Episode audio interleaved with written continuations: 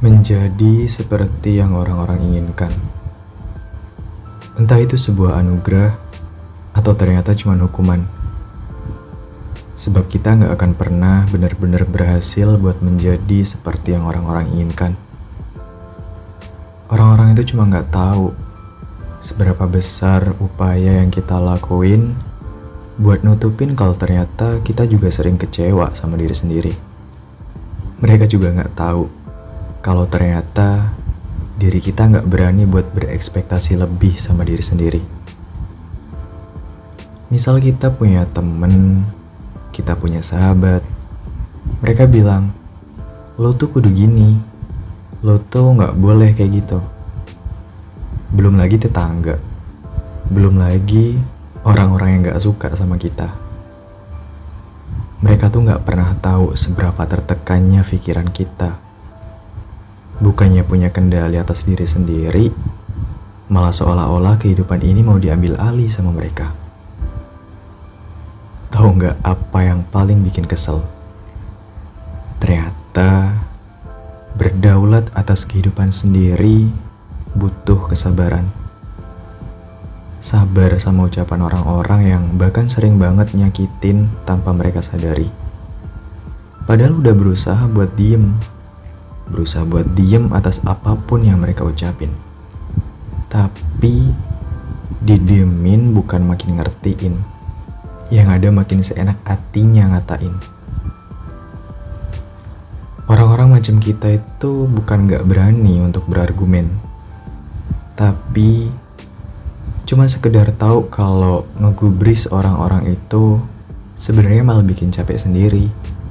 Buang waktu, buang tenaga, nambah-nambahin pikiran. Tahu nggak sih, bagi saya tuh diem adalah bentuk protes paling elegan yang saya pakai buat ngadepin orang-orang yang mau diri kita biar sesuai sama keinginan mereka. Diem yang artiin, tolong deh, ini tuh hidup gue, ini kebahagiaan gue.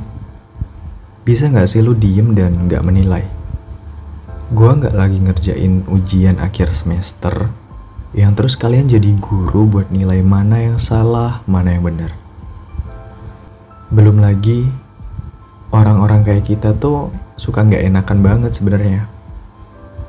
Orang mau ngomong sesuatu, minta sesuatu, berasa susah banget buat bilang enggak. Meskipun kadang ngerugiin diri sendiri, bikin capek ke diri sendiri tapi susah banget buat bilang enggak. Jadi ngerasa serba salah aja gitu. Pengen merdeka dari penilaian orang-orang itu, tapi suka nggak enak kalau kita ngabain, apalagi sampai ngecewain mereka.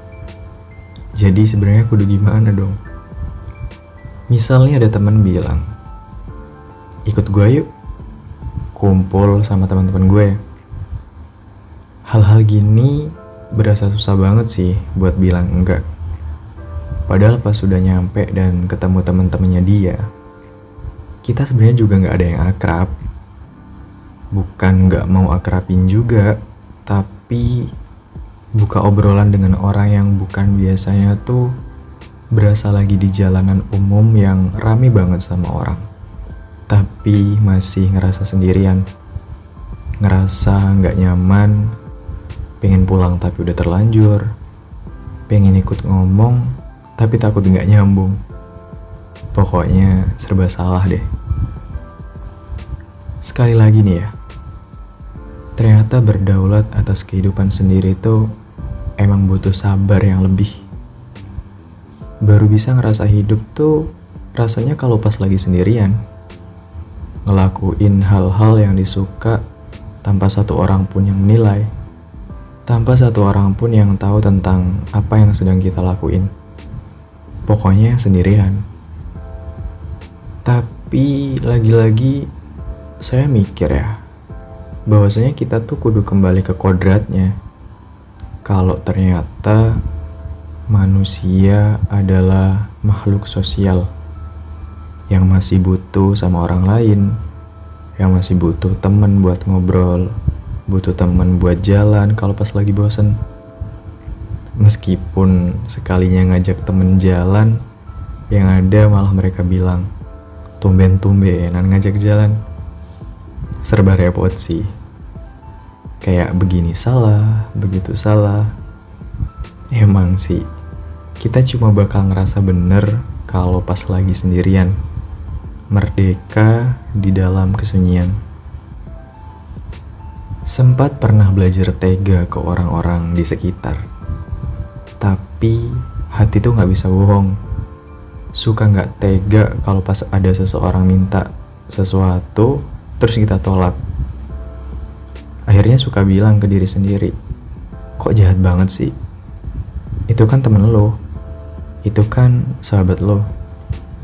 Akhirnya yang ada luntur usaha buat tega sama orang-orang di sekitar.